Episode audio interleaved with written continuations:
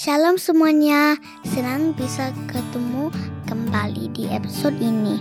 Selamat mendengarkan Mami Puspa dan Dedi Resa di podcast Keluarga Katolik.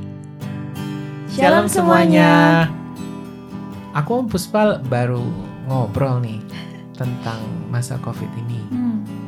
Banyak negara dan banyak situasi kan kita banyak lockdown ya, banyak restriction Mm-mm. dan tentunya um, teman-teman seperti kami juga pernah mengalami harus misa online. Dan mungkin masih ada yang mengalami. Mungkin masih ada yang mengalami Mm-mm. juga ya di Australia.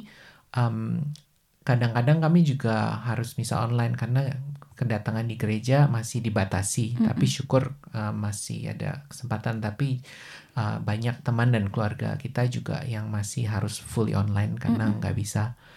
Nah um, dari misa online ini kami um, ada suatu pelajaran parenting yang kami dapat Mm-mm. Ya, mungkin aku mau um, sharing, Mm-mm. dimulai dengan cerita ya. Mm-mm. Jadi beberapa minggu lalu itu um, kita um, harus misa online. Mm-mm. Sebenarnya sih uh, boleh ke gereja, tapi karena kita datangnya telat um, dan dibatasi yang datang, kita nggak bisa. Jadi kita terpaksa pulang lagi dan uh, mulai misa di rumah. Nah, waktu misa online itu anak kami yang paling kecil umurnya 4 tahun, um, cowok ya. Nah dia tuh tiba-tiba marah-marah gitu dan Ngadat, nggak mau. Nggak mau nggak mau ikut misa, Mm-mm. bukan cuma itu dia mengganggu kita semua di tengah misa online, Em, ribut, terus em, Bikin kita marah pokoknya. kita marah Mm-mm. dan akhirnya tuh dia kayak em, bergeletak di lantai di depan sofa gitu ya Di depan TV. depan TV uh, supaya dan supaya kami bisa lihat gitu. Nah waktu itu terjadi na- naluri aku cepet tuh pengen marahin dia Mm-mm. gitu ya soalnya kan ya kita mau ngajar dong ini kan lagi misa gitu kan nggak pantas bersikap kayak gitu Mm-mm. gitu. kan nggak hormat gitu Mm-mm. ya meskipun online uh, itu kan harusnya suasana doa dan Iya. dalam pikiran gue rese banget sih nih anak Um, nah tapi nggak tahu saat itu aku dapat dorongan gitu buat nyamperin dia gitu ya. Jadi aku cuman jalan terus aku eh, nggak marahin, aku cuma nanya, "Eh, kamu kenapa marah gitu ya? Terus dia langsung bilang, aku nggak suka misa online katanya. Aku sukanya misa di gereja. Wah, aku lumayan tersentuh. Aku nggak expect gitu ya, Em, karena Nggak mengira jawabannya nggak itu ya. mengira jawaban itu karena Mm-mm. anak ini biasanya kalau marah-marah justru nggak nggak rasional gitu. Jadi Mm-mm. jawabannya biasanya aneh-aneh. Em, terus aku juga bilang, em, benernya Dedi juga nggak suka misa online Mm-mm. gitu ya. Tapi kan kita nggak bisa masuk gereja tadi gitu Mm. ya. Terus aku ngobrol aja gitu, aku ngobrol dengan dia gitu. Dan aku bilang, eh kalau kita bisa ke gereja misalnya, kita juga maunya ke gereja sayang gitu. Terus menariknya, dia justru malah tenang gitu ya. Mm-mm. Nah, dan nggak nggak bersuara lagi. Terus aku bilang, "Eh, oke, eh, gimana kalau kita misal lagi dan eh, aku aku eh, aku pangku kamu dan aku peluk kamu gimana?" Terus dia bilang, "Oke, Daddy." Terus jadi diem. Iya. Langsung Iya kan? behave. Iya, dia langsung behave gitu. Mm-mm. Menarik ya. Nah, menarik ya. Em, sebagai parent kan kita punya style yang beda-beda. Mm-mm. Eh, ada yang strict, mungkin Mm. ada yang soft, ada yang Mm-mm. disiplin, ada yang enggak. Mm-mm. ada yang tegas gitu ada macam-macam banyak uh, parenting parenting style gitu dan kami pun punya parenting style sendiri gitu ya Mm-mm. aku dan Puspa itu berbeda-beda Berbeda. gitu ya Dan untuk setiap eh, anak karena karakter mereka berbeda, cara kita Mm. juga nggak bisa disamain gitu. Aku Mm-mm. bertahun-tahun mencari satu em, cara yang sama gitu Mm. untuk ketiga anakku dan em, banyak yang aku pelajarin gitu, yang em, seminar atau webinar ini Iya. diikutin, Eh, baca buku itu iya Iya. gitu, Em, coba diterapin gitu, Mm. diterapin ini itu kayaknya em, pada akhirnya nggak ada yang bisa gitu untuk uh, menemukan satu cara yang sama untuk ketiga anak kami gitu. Ya. Jadi em, pada akhirnya ya harus menerima bahwa keunikan mereka itu juga em, memerlukan respon dan em, apa ya cara parenting yang yang berbeda-beda. pengalaman kami juga anak yang sama um, di situasi yang berbeda, Hmm. approach-nya juga beda. Bisa gitu. berbeda Iya, ya, nggak uh, nggak selalu sama. Iya, uh, dan um, refleksi aku di situasi yang tadi itu uh, mungkin ternyata yang tepat itu untuk mendengarkan uh, Mm-mm. anak kami karena Mm. dia punya suatu keluhan yang valid ya yang Mm-mm. bikin dia kesel gitu dan Mm-mm. dia mau didengerin dan Mm-mm. setelah dia didengerin dia tuh uh, respons positif Mm-mm. Mungkin kalau aku malah marahin dia, ngomelin, suruh dia maksa dia duduk, mungkin uh, nggak jadi misa. nggak jadi misa dan kita uh, malah ribut sama dia gitu. Dan, Dan uh, itu pernah terjadi. Iya, don't get us wrong, itu pernah terjadi dan itu lebih sering terjadi gitu. Um, seperti kami bilang dia sering kalau ditegur, kalau diajak ngomong tuh nggak rasional gitu. Mm. But nampaknya situasi itu ada suatu approach yang works. Mm. Terus kami eh, nyadar gitu ya nggak tahu ya buat eh, teman-teman gitu ya. Em, kita kan em, punya parenting style beda-beda gitu Hmm. dan kadang kita cenderung untuk memakai eh, cara yang sama gitu Iya. ya dalam banyak eh, situasi, Situasi. gitu. Kami eh, interested untuk denger ya em, teman-teman tuh biasanya parenting style itu seperti apa sih? Mm. Apa strict atau soft? Mm-mm. atau mungkin uh, ada style yang kami belum tahu atau kami Mm-mm. nggak sebut gitu ya. Kalau boleh di sharing uh, dan style apa yang um, anda pernah pakai dan itu efektif gitu Mm-mm. buat buat anak anda. Kalau boleh di sharing kami dan Seneng banget bisa belajar dari kalian ya. iya dan kalau boleh di apa di share lebih luas kami juga bisa share di episode selanjutnya atau lewat um, blog kami. Nah balik ke topiknya.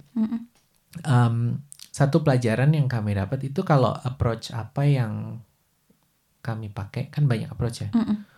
Tujuan akhirnya kan sebenarnya harusnya sama ya. Iya. Uh, aku ingat kamu pernah ngomong apa harapan uh, kita akan anak-anak kita. Kita mau anak kita tuh tumbuh sehat tubuh, jiwa, raga dan imannya. Jadi Mm-mm. sebagai orang tua kita mau berusaha mendidik, mengajar, menghibur dan uh, banyak cara supaya mereka itu grow up very well gitu. Mm-mm.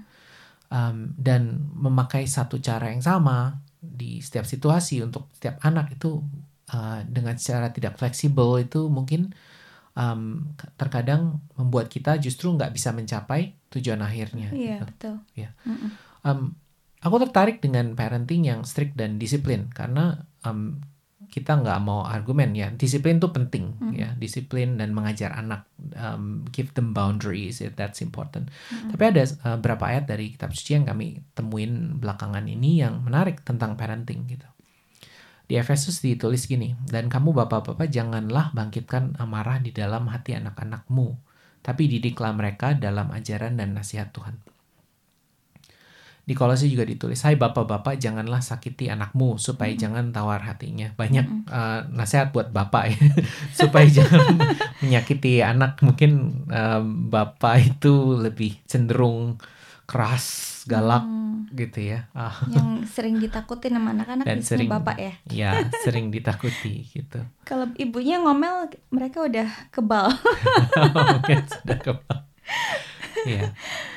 Em, satu hal yang eh, kita dapat dari em, ayat-ayat Alkitab ini yaitu yes disiplin itu penting Mm-mm. dan terkadang kita bisa membuat anak kita jengkel ya saat kita mendidik mereka Iya. gitu ya. Em, tetapi penting kalau kita dis- mengajar disiplin dan mendidik mereka itu dalam kasih dan course, kita iya. mendidik em, sesuai uh, ajaran dan nasihat Tuhan gitu ya. Mm-mm, mm-mm. Um, kita sharing iman gitu.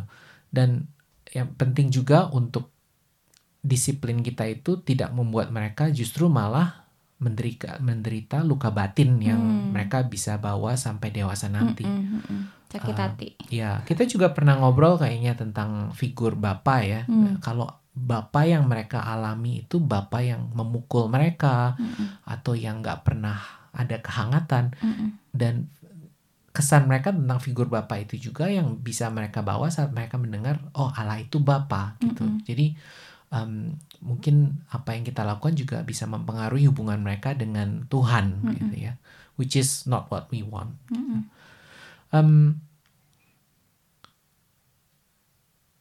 approach yang tegas itu baik ya eh, sekali lagi tapi rasanya em, things like eh, ke- melukai dengan sengaja menghina anak kita atau merendahkan atau dengan sengaja kita me- menjatuhkan semangat mereka rasanya menurut kami sih Mm-mm. itu nggak sesuai dengan prinsip parenting secara Katolik Of Ya. course. tapi dalam kasih dalam ajaran Tuhan Mungkin em, aku yakin sih orang tua di sini nggak ada yang dengan sengaja Hmm. merendahkan gitu. Tapi yang sering em, terjadi itu ya tanpa sengaja gitu. tanpa sadar eh, juga tanpa sadar, benar. ah, ah. Bukan tanpa sengaja, Iya. tapi kayak nggak nggak ngeh kalau apa yang kita katakan itu ternyata bisa menyakiti gitu, Iya. bisa melukai dan menghina perasaannya gitu.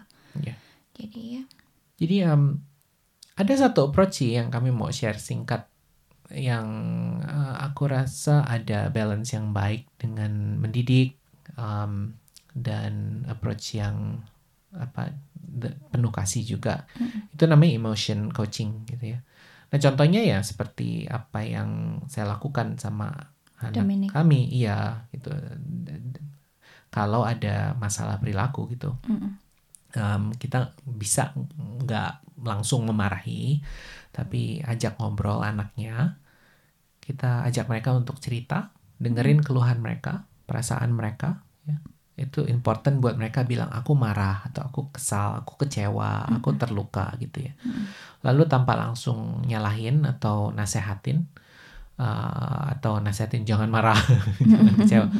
Kita bisa em, kasih apa ya afirmasi ya Mm-mm. perasaan oh oke kamu uh, kamu sedih kamu marah gitu Um, dan setelah seorang anak itu bisa ngeluarin unek-uneknya dan merasa kita dengarkan uh, di situ kita bisa kasih mereka nasihat gitu ya Mm-mm. Uh, sekali lagi ya dengerin tuh bukan berarti nggak ngasih nasihat tapi Mm-mm. ngasih nasihat di saat yang tepat Mm-mm. kalau anak lagi emosinya tinggi kan nggak bisa dengerin nasihat ya kita Iya. juga nggak bisa kalau lagi bete lagi Iya. marah lagi tegang gitu nah saat mereka udah cool down kita bisa kasih nasihat kita bisa kasih mereka usul gimana mereka bisa solve their problem atau bisa deal with their um, uh, anger Mm-mm. Um, dan di situ um, kita bisa mendidik dengan kasih uh, dan ya emotion coaching ini juga di backup dengan banyak research ya dan banyak Mm-mm. dipakai di di parenting gitu. Tapi mungkin em, kita juga mesti kasih tahu gitu kalau em, masih satu dua tahun ya agak susah gitu. Tapi em, aku ingat eh, kita mulai eh, berusaha untuk ngajarin em, emotion coaching ini Mm, saat mereka udah mulai bisa ngomong gitu. Mm-mm. Oh iya, oh Ya. sedih ya gitu, marah gitu. Jadi em, butuh proses juga gitu, nggak nggak bisa secara langsung gitu. Mm, um, dengan terbiasa untuk mengungkapkan perasaannya lama-lama mereka bisa bisa um, bisa belajar terus bisa secara um, lebih mudah gitu untuk mengungkapkan um, perasaan emosinya seperti apa. Oke. Kalau teman-teman ada yang tertarik dengan emotion coaching, mungkin bisa kirim email ke kami atau message di Instagram kami. ya Um, kita bisa kita share bisa ya share Mm-mm. resource-nya, linknya, um, atau mungkin mau uh, mau cerita sedikit pengalaman, kami juga apa um, mau dengerin uh, dan dan sharing lebih lanjut. Oke, mari kita akhiri dengan doa. Dalam nama Bapa Putra, dan Roh. Kudus. Amin. Amin. Bapa yang baik, em, kami menyadari sebagai orang tua, sebagai orang dewasa, sering kali nggak gampang buat kami dalam em, mendidik anak-anak kami. Terutama saat melibatkan emosi saat kami emosi atau anak-anak emosi. Tapi kami mau belajar Tuhan untuk menjadi contoh, menjadi teladan seperti Engkau untuk menerima mereka dan mengerti, tapi juga mendidik dan mendisiplinkan mereka di saat yang diperlukan. Beri kami hikmat Tuhan untuk jadi orang tua yang baik, untuk jadi orang tua yang bisa membawa anak-anak kami tumbuh sehat dalam tubuh, jiwa, dalam iman, dan semua hal dalam kehidupannya. Kami mau bawa anak-anak kami juga di dalam tanganmu, berkati mereka, dan berkati keluarga kami. Terima kasih Tuhan Yesus. Dalam namamu kami berdoa dan mengucap syukur. Amin. Amin. Dalam nama Bapa, Putra, dan. Kudus. Amin. Terima kasih sudah mendengarkan episode kali ini. Pastikan untuk subscribe podcast Aku, Kau, dan Dia, dan kunjungi website kami di keluargakatolik.online untuk info dan tulisan yang terbaru.